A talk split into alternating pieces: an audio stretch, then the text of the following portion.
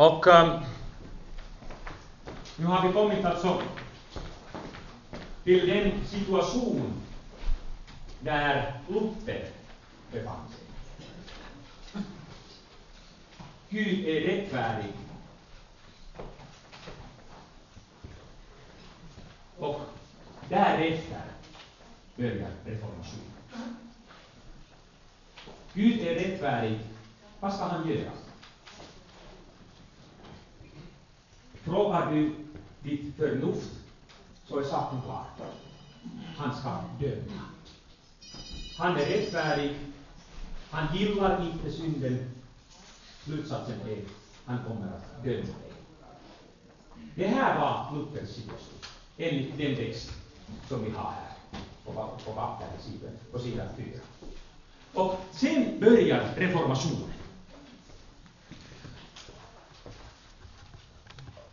Och Luther kommer att inse att Guds rättfärdighet därtill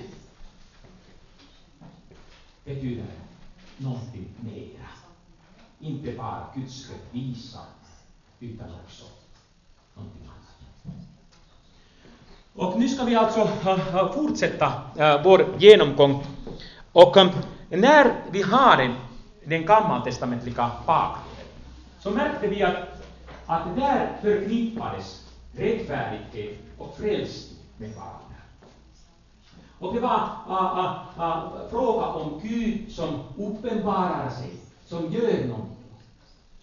Och nu är det så att Gud inte bara är rättfärdig, utan han också gör rättfärdighet. Och, och eh, det innebär då att eh, Gud agerar sig för att frälsa, för att hjälpa orättfärdiga människor. Guds rättfärdighet som sådan skulle inte frälsa. Det är just det som uh, dyker upp i Gamla testamentet när det är tal om Herrens fruktansvärda dag. Att uh, Herren kommer, Herrens dag.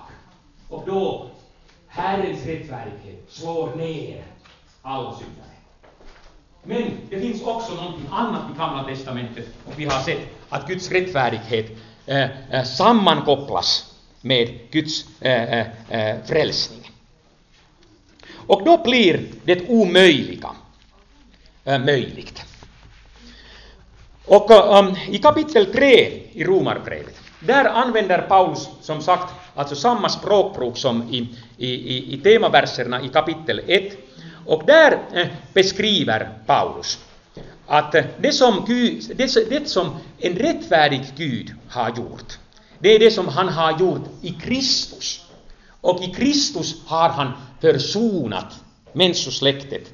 Och då är Guds rättfärdighet här, alltså Guds frälsande rättfärdighet. Och på samma sätt eh, eh, där i kapitel 10 när Paulus talar om jordarna, att de inte känner rättfärdigheten från Gud, det vill säga Guds rättfärdighet. Eh, utan de strävar efter att upprätta sin egen rättfärdighet och har inte underordnat sig rättfärdigheten från Gud. Där har vi alltså äh, äh, samma förutsättningen. Israeliterna vet att Gud är rättfärdig. Det är en självklarhet för dem alla. Däremot är det oklart för dem att Guds rättfärdighet har blivit uppenbar i Kristus. Och då är det alltså en frälsningshistorisk eh, synvinkel som vi har här i kapitel 10. Eh, eh Nämligen verserna 6 eh, eh, eh och 7. Där beskriver Paulus denna Guds rättfärdighet. Och han sammankopplar Guds rättfärdighet med trosrättfärdighet och säger att denna trosrättfärdighet säger, talar. Fråga inte i ditt hjärta vem ska fara upp till himlen, det vill säga för att hämta ner Kristus. Eller vem ska fara ner i avgrunden, det vill säga för att hämta upp Kristus från de döda. Det är alltså fråga om det som Kristus har gjort, nämligen det som eh, det, det är hans eh, inkarnation, hans människoblivande och hans uppståndelse. Det är alltså hans frälsningsverk från början till slut. Det är Guds rättfärdighet, det som Gud i sin rättfärdighet, i sin rättvisa gör för att frälsa. Och, och, och, och eh, till och med i kapitel 3 i Romarbrevet, Eh, eh, detta eh, svårbegripliga avsnitt som vi inte ska desto mera tolka idag. Men, men alltså detta avsnitt där Guds rättvisa dyker upp, mycket klart, som sagt.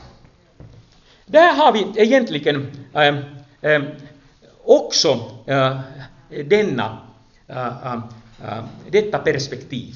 Nämligen Guds rättfärdighet där.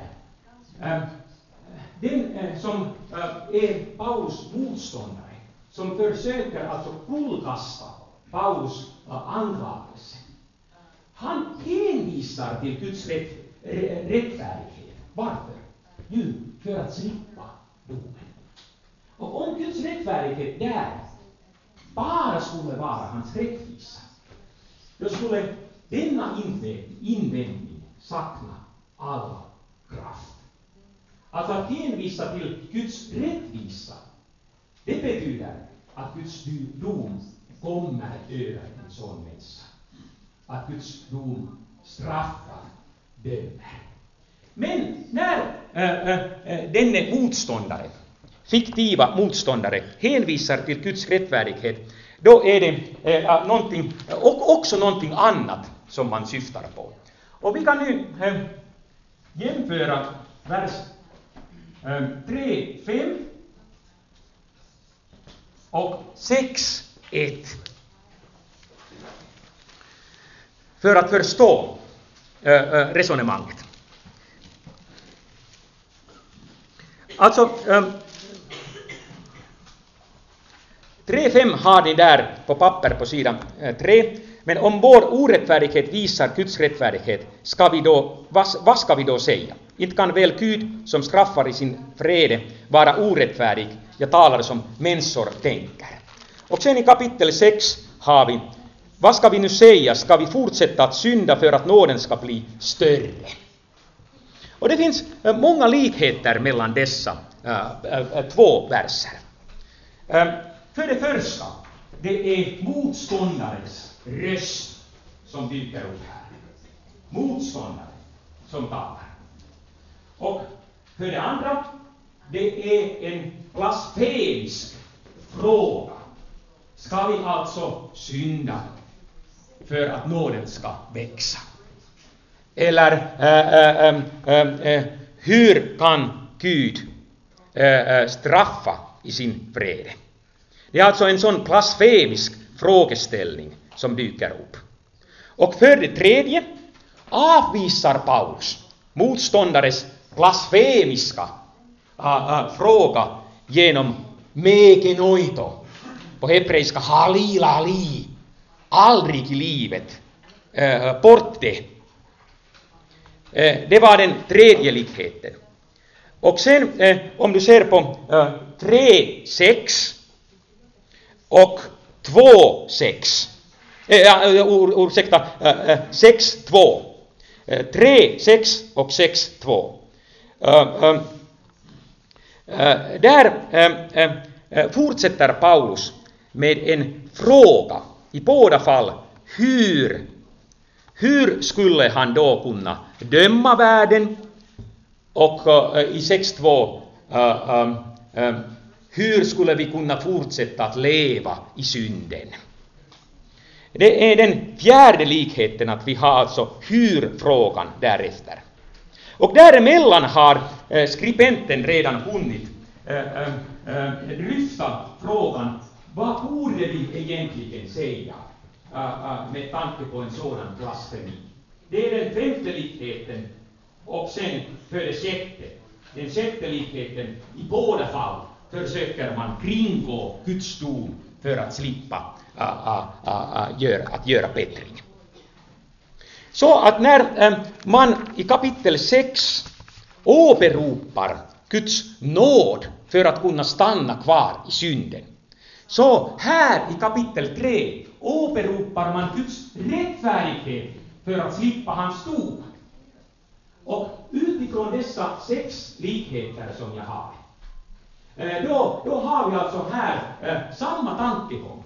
Det är alltså, alltså um, en motståndare som åberopar Guds nåd, det vill säga Romarbrevets tema. Och han hänvisar till, alltså till Romarbrevets tema och meningen är att därigenom ska Guds dom falla bort. Så att även här i kapitel 3 ser vi att motståndaren har läst Romarbrevet, äh, lyssnat på Romarbrevet noggrant hittills och därför hänvisar han till Paulus centrala begrepp och vänder om tankegången. Ja, ähm, så att ähm, i alla dessa texter ser vi att Guds rättfärdighet är alltså Guds rättvisa, men därtill är Guds rättfärdighet också hans frälsningsgärning, hans agerande i Kristus, det som han har gjort för att frälsa människan, och i likhet med Gamla testamentet som vi har sett. Så dessa två aspekter är med hela tiden. Men det är inte tillräckligt med, det, med dessa två aspekter. Utan det kommer en tredje aspekt till. Och um, vi har redan sett äh, i temaverserna, kapitel 1, 16, 17, att Guds rättfärdighet frälser var och en som tror. Och rättfärdigheten från Gud uppenbaras i evangelium av tro till tro. Så att, att äh, tro finns med i bilden hela tiden. Det är genom tron man blir delaktig av denna uh, Guds rättfärdighet. Och uh, på samma sätt där i kapitel 3, när Paulus talar om att ingen människa förklaras rättfärdig inför honom, vers 20, Sen i vers 21, men nu har utan lagen en eh, rättfärdighet från Gud, Guds rättfärdighet, blivit uppenbarad, en som lagen och profeterna vittnar om, en rättfärdighet från Gud genom tro på Jesus. Och se på verserna 25 och 26 på samma sätt att, att, att, att, att han själv är rättfärdig. På vilket sätt? Jo, genom att han har gjort sin rättfärdighet i Kristus och han är rättfärdig när han förklarar den rättfärdig som tror. Så att hela tiden har vi denna aspekt med. Och, och på samma sätt där i kapitel 10, eh, eh, Guds eh, rättfärdighet förknippas med trosrättfärdighet som vi har sett och trosrättfärdigheten talar, du ska inte säga i ditt hjärta så här, inte heller så där, utan du ska tro och du har därefter Guds rättfärdighet, hans frälsning. Så att det här är den tredje aspekten som ingår i, i texten. Jag måste nu lite hoppa eh, över vissa saker här, därför att, att, att vi inte har tid. Det är min chef som ska tala efter mig, så jag vågar inte fortsätta hur länge som helst. Men äh, äh, nu har vi alltså sett äh, tre viktiga aspekter. Och jag upprepar. Vad betyder Guds rättfärdighet? Det betyder för det första, det är Guds rättvisa. Han är rättfärdig. För det andra, en annan aspekt. Han gör rättfärdighet. Han äh, äh, uppenbarar sig. Han frälser han gör, äh, äh, äh, han gör vår frälsning i Kristus. Och för det tredje, Guds rättfärdighet innebär också trosrättfärdighet. Denna aspekt, trosaspekt, är hela tiden med.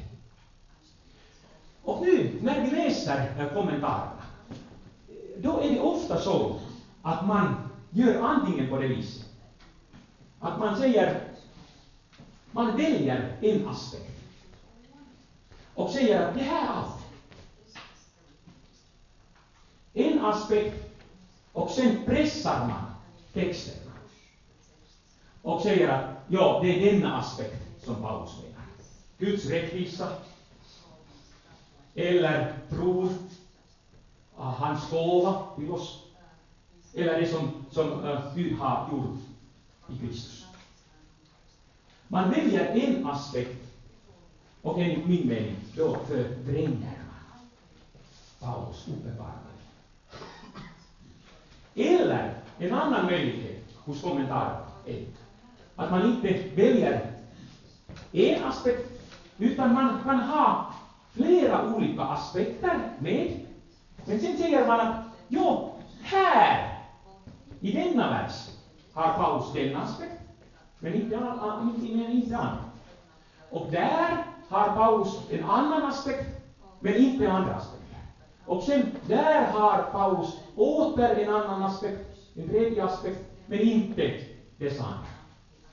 Och då tycker jag att då har vi alltså hamnat i en, en sån situation att, att antingen väljer kommentar, kommentatorerna i allmänhet bara en aspekt, pressar texterna, eller man väljer olika aspekter men tycker att, att, att Paulus språkbruk inte är enhetligt.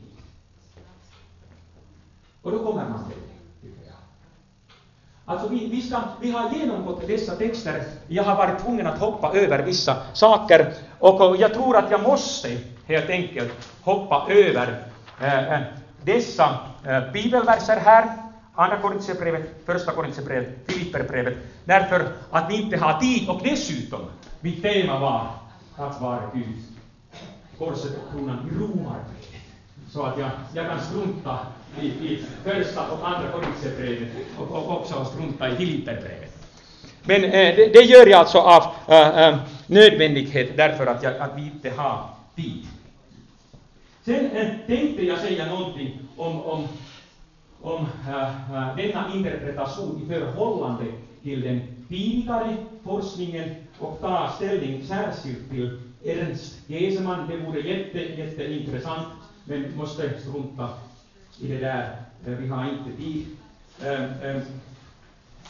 Men sen några saker som the new perspective on på, som jag nämnde, lyfter fram. Och, och, och, och det, som, alltså, det, det finns många svagheter i Kesemans äh, tolkning, äh, men som sagt, jag förbigår dem. Äh, men en sak åtminstone var bra hos Keseman. Och det var det att han betonade rättfärdiggörelseläran är i Paulus teologi. Och sen kritiserar man nu för tiden Geseman och säger att jo, jo, det är intressant. Och nu har vi sett att Lutherdomen har fel. Därför att Geseman har fel. Men jag tycker att det här är lite, lite um, oklart, till och med bedrägligt. Därför att, att, att, att hade vi tid så, så kunde vi genomgå Kesemans äh, rättfärdiggörelselära, och det är ju inte alls lutherskt. Utan det finns många olutherska synpunkter där, och när man sen kritiserar Keseman och därefter kommer till slutsatsen, jo, jo, hela lutherska rättfärdiggörelseläran står, äh, kommer på skam. Det är inte sant. Det är bedrägligt egentligen, därför att Gesemans rättfärdiggörelselära är inte samma sak som Luthers. Men äh, Geseman hade som sagt rätt när han betonade att eh, äh, rättfärdiggörelselära är centrum äh, i, i Paulus teologi. Äh, men så tänker äh, representanter för, den, för, för för det nya perspektiv om Paul, Paul inte. Utan vi de utgår från äh, uh, participatoriska kategorier. Participation categories. Äh, uh, participatoriska kategorier. Och vad menas med detta begrepp? Jo, det är alltså sådana uttryck i de paulinska breven som talar om den kristnes existens, varande, i Kristus eller i ande. Eller hans, den kristnes delaktighet av Kristus och ande. Och sen säger man att här har vi centrum. Centrum i den paulinska teologin och inte i rättfärdiggörelseläran. Nu äh, äh, skulle jag säga för det första att äh, man kan använda participatoriska kategorier, till och med juridiska kategorier, i sammanhang med etik, helgelse, i sammanhang med det nya livet. Men vi talar inte om dessa aspekter här och nu. Utan vi talar om frälsningssammanhang. Och äh, jag ska förklara min tes. Den äh, äh, diametrala motsatsen, den starka motsatsen mellan participatoriska och juridiska kategorierna är åtminstone delvis äh, äh, äh. Äh, nu ber jag er att titta på sidan 3. Äh, vi har kringgått första Korinthierbrevet 1, 3. Men nu, lägg märke till att Paulus här med avsikt sammankopplar participatoriska och juridiska kategorier med, med varandra. Honom har vi att tacka för att vi är i Kristus Jesus participatoriskt. Som Gud har för oss, som Gud för oss har gjort till visshet, rättfärdighet, ett juridiskt språkbruk. Alltså rättfärdighet i Kristus Jesus. Båda aspekter, participatoriska, juridiska aspekter. Se på Andra Korintierbrevet 5, 21. Där på sidan 3. Den som inte visste av synd, nämligen Kristus. Honom har Gud i vårt ställe gjort till synd. Och sen översätter folkbibeln, eh, inte ordagrant, och jag förstår mycket väl varför inte, men, men eh, folk ville ha för att vi i honom skulle stå rättfärdiga inför Gud. Men Paulus skriver egentligen för att vi i honom, i Kristus, där har vi participatoriska kategorier, skulle bli Guds rättfärdighet. Att vi skulle bli Guds rättfärdighet. Där har vi alltså samma kombination participatoriska kategorier, juridiska kategorier tillsammans.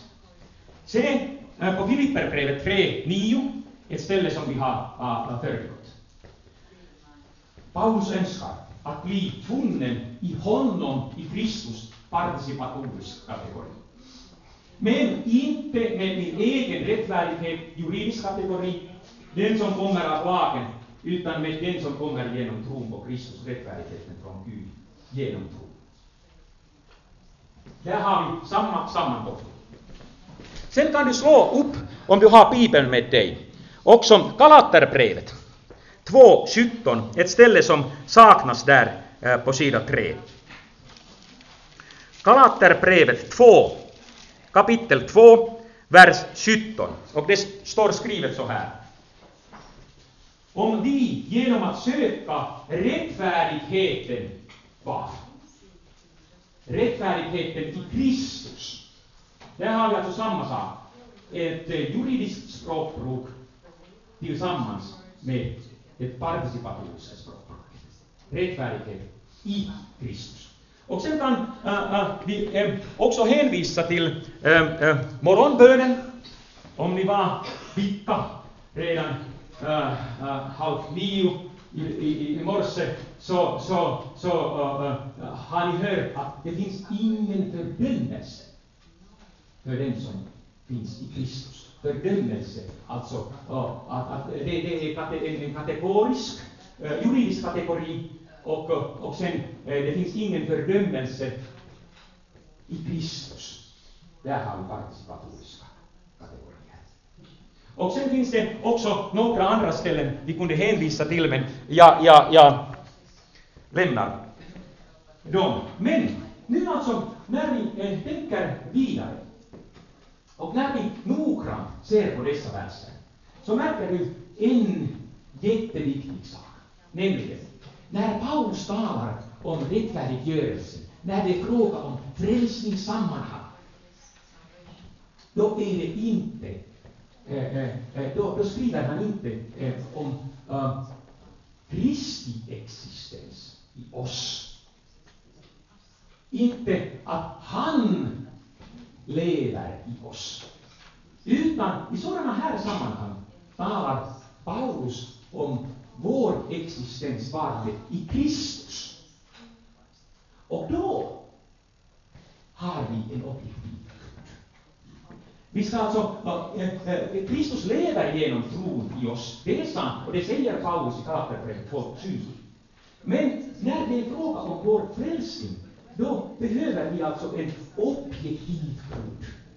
Och, och, inte så att, att det, det finns sådana subjektiva känslor att finner jag äh, Kristus här äh, i, i mitt hjärta, är han där eller inte? Nej, han är inte där därför att där finns bara lust, begär, men om jag ser min rättfärdighet i Kristus, då ser jag att min rättfärdighet är utanför mig. Och det är alltså, jag tycker att det är viktigt att, att, att hålla fast vid det här. Båda dessa kategorier är viktiga. Participatoriska, juridiska kategorier, därför att rättfärdiggörelselära är ingen matematisk sats. Att du löser denna matematiska sats utan det är en levande lära. Det är Kristus lära. Det är en lära som visar vägen till Kristus. Och vi har rättfärdighet i honom. Och dessutom äh, sen sammankopplar Paulus äh, äh, denna existens i Kristus med evangeliet. Det finns flera ställen jag, jag frigår dem Sen också med dopet, det har vi egentligen sett där i Romarbrevets kapitel 6, att, att, att dopet har vi blivit korsfäst med Kristus. Så att vi upplever denna rättfärdighet i Kristus genom dopet och sen också i nattvarden. Så att vi har egentligen dessa lutherska nådemedel här, evangelium plus sakrament. Men eh, vi måste eh, eh, eh gå vidare. Och nu eh, vill jag inte översätta äh, äh, det sista citat som vi har här äh, på sidan 4, denna gamla tyska version. Men du kan läsa texten hemma och, och be om en översättning om, om det inte går annars. Men där alltså understryker Paulus egentligen samma sak. Nämligen, ursäkta, Luther understryker samma sak. Att, att, att det viktigaste för det första är att vi befinner oss i Kristus. Och därefter kommer Kristus till oss och befinner sig i oss. Men det kan du läsa själv sen efter, efter det här. Okej, nu har vi eh, kommit ganska långt och jag skulle sen eh, säga någonting om, eh, inte bara om New eh, perspektiv om Paul, utan också the Old Testament perspektiv om Paul och hänvisa till Saifi, eh, eh, till min goda vän som, som, som har gjort också sin, sin, eh, sin, sin debut i Fort Wayne. Jag är mycket glad över det där. Men ja, jag måste kringgå det här också. Eh, eh, jag har egentligen inte att eh, kritisera eh, honom, men, men eh, några preciseringar skulle jag gärna presentera, men det får vi ta någon annan gång. Nu ännu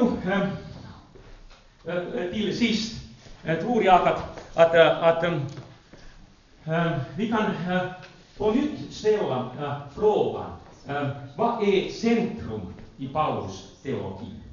Som sagt, Eh, vi som representerar det nya perspektivet säger att det inte är rättfärdiggörelse.